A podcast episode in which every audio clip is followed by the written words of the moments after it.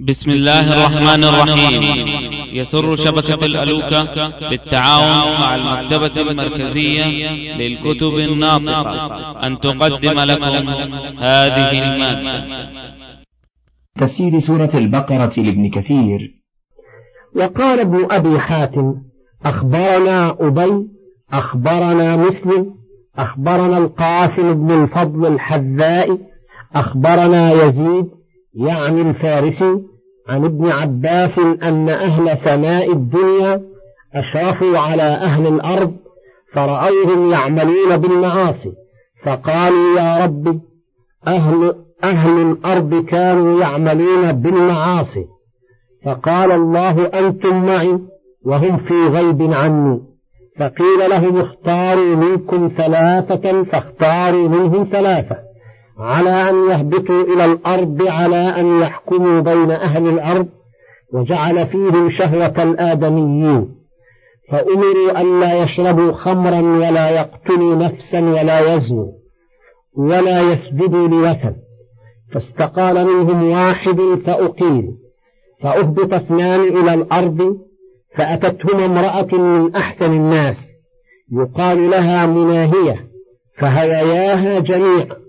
ثم أتيا منزلها فاجتمعا عندها فأراداها فقالت لهما لا حتى تشربا خمري وتقتلا ابن جاري وتسجدا لوثني فقالا لا نسجد ثم شربا من الخمر ثم قتلا ثم سجدا فأشرف أهل السماء عليهما وقالت لهما أخبراني بالكلمة التي إذا قلتماها طرتما فأخبراها فطارت فمسخت جمرة وهي هذه الزهرة. وأما هنا فأرسل إليهما سليمان بن داود فخيرهما بين عذاب الدنيا وعذاب الآخرة فاختار عذاب الدنيا فهما مناطان بين السماء والأرض وهذا السياق فيه زيادة كثيرة وإغراب ونكارة والله أعلم بالصواب. وقال عبد الرزاق قال معمر قال قتادة والزهري عن عبيد الله بن عبد الله وما أنزل على الملكين ببابل هاروت وماروت كانا ملكين من الملائكة فأهبطا ليحكما بين الناس وذلك أن الملائكة سخروا من حكام بني آدم فحاكمت إليهما امرأة فحافا لها ثم ذهبا يصعدان فحيل بينهما وبين ذلك ثم خيرا بين عذاب الدنيا وعذاب الآخرة فاختارا عذاب الدنيا. وقال معمر قال قتادة فكانا يعلمان الناس السحر فأخذ عليهما ألا يعلما أحدا حتى يقولا إنما نحن فتنة فلا تكفر. وقال أصباط عن السدي أنه قال كان من أمر هاروت وماروت أنهما طعنا على أهل الأرض في أحكامهم فقيل لهما إني أعطيت بني آدم عشرا من الشهوات فبها يعصونني. قال هاروت وماروت ربنا لو أعطيتنا تلك الشهوات ثم نزلنا لحكمنا بالعدل. فقال لهما انزلا فقد أعطيتكما تلك الشهوات العشر فاحكما بين الناس. فنزلا بباب ديناينج فكانا يحكمان. حتى إذا أمسيا عرجا فإذا أصبحا هبطا فلم يزالا كذلك. حتى أتتهما امرأة تخاصم زوجها فأعجبهما حسنها واسمها بالعربية الزهرة وبالنبطية بودخت وبالفارسية أناهيد فقال أحدهما لصاحبه إنها لتعجبني. قال الآخر قد أردت أن أذكر لك فاستحييت منك. فقال الآخر هل لك أن أذكرها لنفسها؟ قال نعم. ولكن كيف لنا بعذاب الله؟ قال الآخر إنا لنرجو رحمة الله. فلما جاءت تخاصم زوجها ذكر إليها نفسها. فقالت لا حتى تقضيا لي على زوجي فقضيا لها على زوجها. ثم واعدتهما خربة من الخرب يأتيانها فيها فأتياها لذلك فلما أراد الذي يواقعها قالت ما أنا بالذي أفعل حتى تخبراني بأي كلام تصعدان إلى السماء وبأي كلام تنزلان منها فأخبراها فتكلمت فصعدت فأنساها الله تعالى ما تنزل به فثبتت مكانها وجعلها الله كوكبا.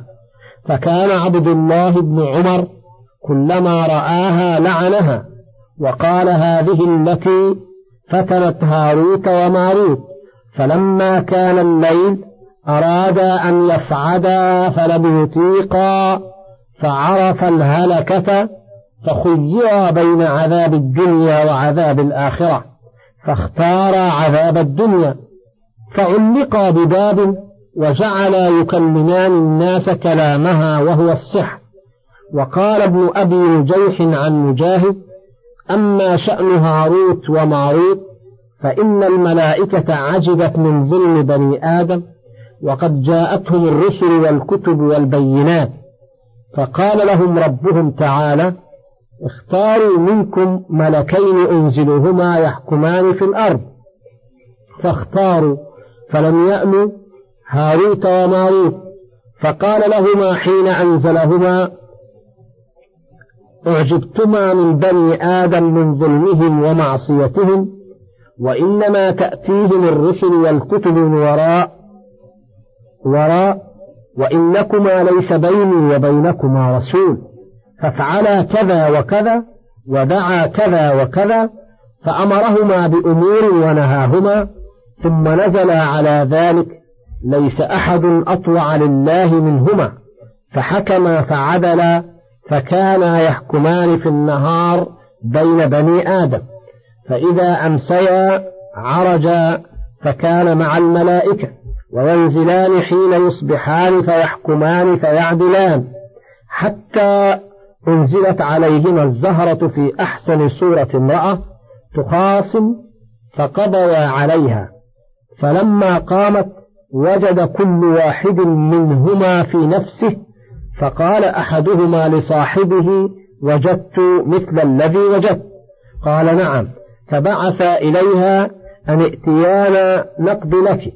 فلما رجعت قال وقضيا لها. فأتتهما فكشفا لها عن عورتيهما وإنما كانت سوآتهما في أنفسهما ولم يكونا كبني آدم في شهوة النساء ولذاتها فلما بلغا ذلك واستحلا افتتنا فطارت الزهرة فرجعت حيث كانت فلما أمسيا عرجا فزجرا فلم يؤذن لهما ولم تحملهما أجنحتهما. فاستغاثا برجل من بني آدم فأتياه فقالا ادع لنا ربك. فقال كيف يشفع أهل الأرض لأهل السماء؟ قال سمعنا ربك يذكرك بخير في السماء. فوعدهما يوما وعدا يدعو لهما فدعا لهما فاستجيب له فخيرا بين عذاب الدنيا وعذاب الآخرة. فنظر أحدهما إلى صاحبه فقال ألا تعلم أن أفواج عذاب الله في الآخرة كذا وكذا في الخلد؟ وفي الدنيا تسع مرات مثلها فأمر أن ينزلا بباب فتم عذابهما. وزعم أنهما معلقان في الحديد مطويان يصفقان بأجنحتهما.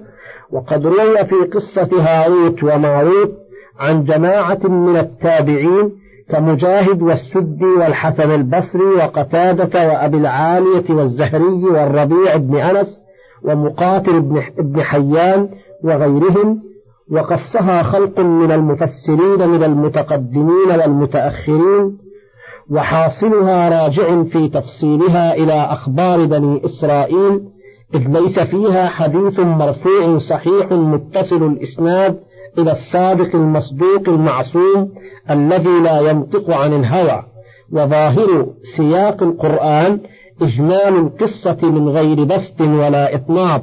فنحن نؤمن بما ورد في القرآن على ما أراده الله تعالى والله أعلم بحقيقة الحال. وقد ورد في ذلك أثر غريب وسياق عجيب في ذلك أحببنا أن ننبه عليه. قال الإمام أبو جعفر بن جرير رحمه الله تعالى أخبرنا الربيع بن سليمان أخبرنا ابن وهب أخبر أخبرنا ابن أبي الزناد حدثني هشام بن عروة عن أبيه عن عائشة زوج النبي صلى الله عليه وسلم أنها قالت قدمت علي امرأة من أهل دومة الجندل جاءت تبتغي رسول الله صلى الله عليه وسلم بعد موته حداثة ذلك تسأله عن أشياء دخلت فيه من أمر السحر ولم تعمل به. وقالت عائشة رضي الله عنها لعروة يا ابن أختي فرأيتها تبكي حين لم تجد رسول الله صلى الله عليه وسلم فيشفيها فكانت تبكي حتى إني لأرحمها وتقول إني أخاف أن أكون قد هلكت.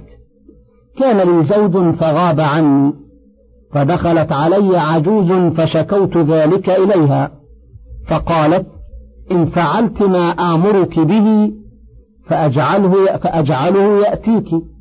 فلما كان الليل جاءتني بكلبين أسودين فركبت أحدهما وركبت الآخر فلم يكن شيء حتى وقفنا ببابل. وإذا برجلين معلقين بأرجلهما فقالا ما جاء بك. قلت نتعلم السحر. فقال إنما نحن فتنة فلا تكفري فارجعي فأبيت. وقلت لا. قال فاذهبي إلى ذلك التنور فبولي فيه فذهبت ففزعت ولم أفعل فرجعت إليهما. فقال أفعلت؟ فقلت نعم. فقال هل رأيت شيئا؟ فقلت لم أر شيئا. فقال لم تفعلي ارجعي إلى بلادك ولا تكفري. فأربيت وأبيت. فقال اذهبي إلى ذلك التنور فبولي فيه. فذهبت فاقشعررت وخفت ثم رجعت إليهما. وقلت قد فعلت. فقال فما رأيت؟ قلت لم أر شيئا. فقال كذبت لم تفعلي ارجعي إلى بلادك ولا تكفري فإنك على رأس أمرك. فأربيت وأبيت فقال اذهبي إلى التنور فبولي فيه فذهبت إليه فبلت فيه فرأيت فارسا مقنعا بحديد خرج مني فذهب في السماء وغاب حتى ما أراه فجئتهما. فقلت قد فعلت.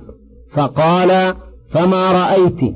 قلت رأيت فارسا مقنعا خرج مني فذهب في السماء وغاب حتى ما أراه. فقال صدقت ذلك إيمانك خرج منك.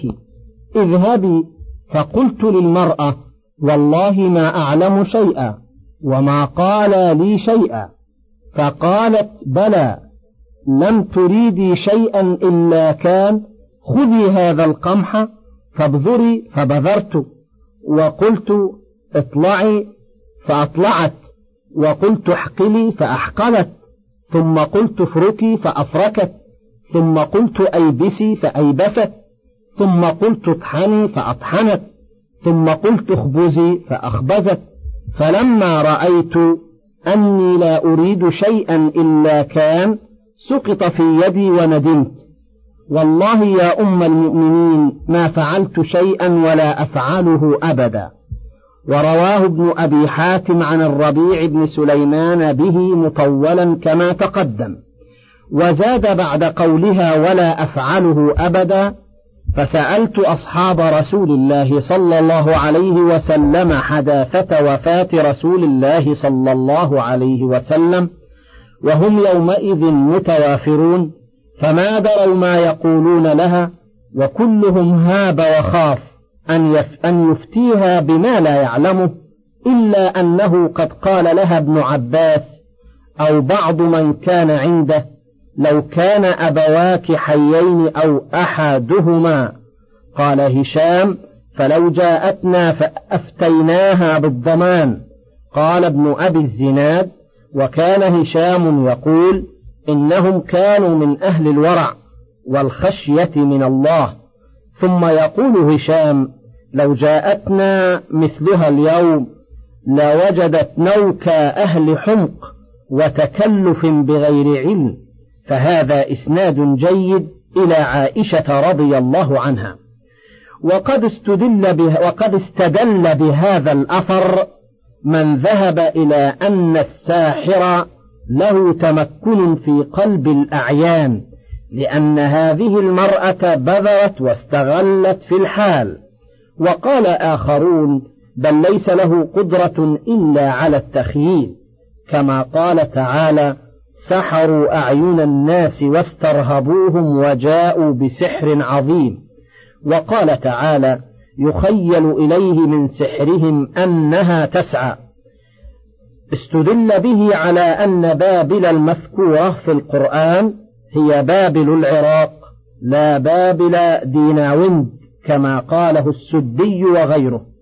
ثم الدليل على أنها بابل العراق ما قال ابن أبي حاتم أخبرنا علي بن الحسين أخبرنا أحمد بن صالح حدثني ابن وهب حدثني ابن لهيعة ويحيى بن أزهر عن عمار بن سعد المرادي عن أبي صالح الغفاري أن علي بن أبي طالب رضي الله عنه مر ببابل وهو يسير فجاء المؤذن يؤذنه بصلاة العصر فلما برز منها أمر المؤذن فأقام الصلاة فلما فرغ قال إن حبيبي صلى الله عليه وسلم نهاني أن أصلي بأرض المقبرة ونهاني أن أصلي ببابل فإنها ملعونة.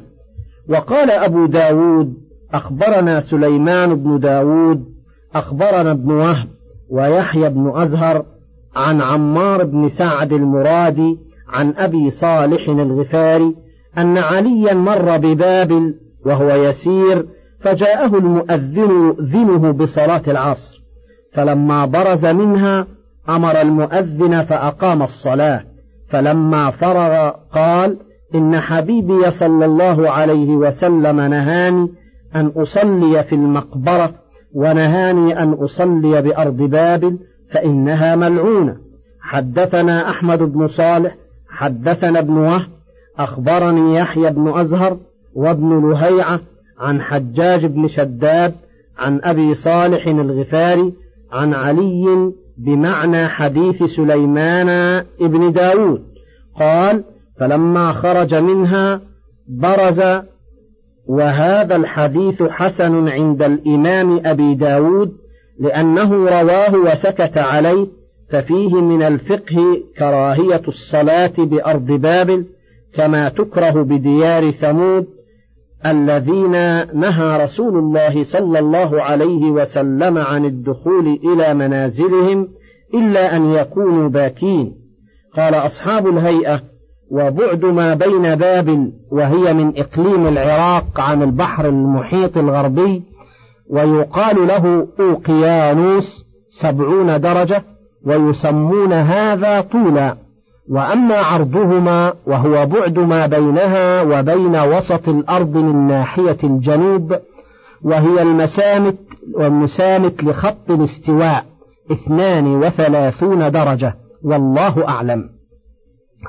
وقوله تعالى وما يعلمان من أحد حتى يقولا إنما نحن فتنة فلا تكفر قال أبو جعفر الرازي عن الربيع بن أنس عن قيس بن عباد عن ابن عباس قال فإذا أتاهما الآتي يريد السحر نهياه أشد النهي وقال له إنما نحن فتنة فلا تكفر وذلك أنهما علما الخير والشر والكفر والإيمان فعرف أن السحر من الكفر.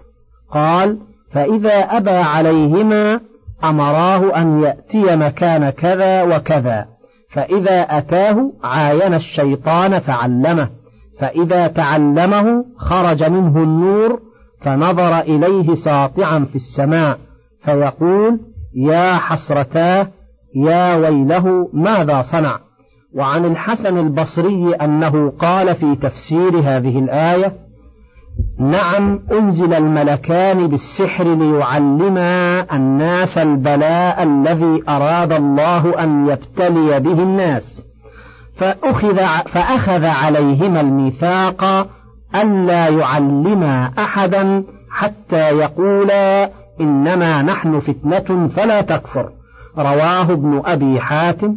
وقال قتادة كان أخ كان أخذ عليهما ألا يعلما أحدا حتى يقولا إنما نحن فتنة أي بلاء ابتلينا به فلا تكفر. وقال السدي إذا أتاهما إنسان يريد السحر وعظاه وقال له لا تكفر إنما نحن فتنة فإذا أبى قال له ائت هذا الرماد فبل عليه. فإذا بال عليه خرج منه نور فسطع حتى يدخل السماء وذلك الإيمان. وأقبل شيء أسود كهيئة الدخان حتى يدخل في مسامعه وكل شيء وذلك غضب الله. فإذا أخبرهما بذلك علماه السحر. فذلك قول الله تعالى وما يعلمان من أحد حتى يقولا إنما نحن فتنة فلا تكفر. الآية وقال سنيد عن حجاج عن ابن جريج في هذه الآية لا يشترئ على السحر إلا كافر. وأما الفتنة فهي المحنة والاختبار ومنه قول الشاعر وقد فتن الناس في دينهم وخلى ابن عفان شرا طويلا. وكذلك قوله تعالى إخبارا عن موسى عليه السلام حيث قال إن هي إلا فتنتك أي ابتلاؤك واختبارك وامتحانك تضل بها من تشاء وتهدي من تشاء. وقد استدل بعضهم بهذه الآية على تكفير من تعلم السحر واستشهد له بالحديث الذي رواه الحافظ أبو بكر البزار حدثنا محمد بن المثنى أخبرنا أبو معاوية عن الأعمش عن إبراهيم عن همام عن عبد الله قال من أتى كاهنا أو ساحرا فصدقه بما يقول فقد كفر بما أنزل على محمد صلى الله عليه وسلم وهذا إسناد صحيح وله شواهد أخر. وقوله تعالى فيتعلمون منهما ما يفرقون به بين المرء وزوجه أي فيتعلم الناس من هاروت وماروت من علم السحر ما يتصرفون به فيما يتصرفون من الأفاعيل المذمومة ما إنهم ليفرقون به بين الزوجين مع ما بينهما من الخلطة والائتلاف. وهذا من صنيع الشياطين كما رواه مسلم في صحيحه من حديث الأعمش عن أبي سفيان عن طلحة ابن نافع عن جابر بن عبد الله رضي الله عنه عن النبي صلى الله عليه وسلم قال إن الشيطان ليضع عرشه على الماء ثم يبعث سراياه في الناس فأقربهم عنده منزلة أعظمهم عنده فتنة. يجيء أحدهم فيقول ما زلت بفلان حتى تركته وهو يقول كذا وكذا. فيقول إبليس لا والله ما صنع ما لا والله ما صنعت شيئا. ويجيء أحدهم فيقول ما تركته حتى فرقت بينه وبين أهله. قال فيقربه ويدنيه ويلتزم ويقول نعم أنت. وسبب التفريق بين الزوجين بالسحر ما يخيل إلى الرجل أو المرأة من الآخر من سوء منظر أو خلق أو نحو, أو نحو ذلك أو عقد أو بغضة أو نحو ذلك من الأسباب المقتضية للفرقة. والمرء عبارة عن الرجل وتأنيثه امرأة. ويثنى كل منهما ولا يجمعان والله أعلم. وقوله تعالى وما هم بضارين به من أحد إلا بإذن الله قال سفيان الثوري إلا بقضاء الله وقال محمد بن إسحاق إلا بتخلية الله بينه وبين ما أراد وقال الحسن البصري وما هم بضارين به من أحد إلا بإذن الله. قال نعم من شاء الله سلطهم عليه ومن لم يشأ الله لم يسلط. ولا يستطيعون من أحد إلا بإذن الله. كما قال الله تعالى وفي رواية عن الحسن أنه قال لا يضر هذا السحر إلا من دخل فيه.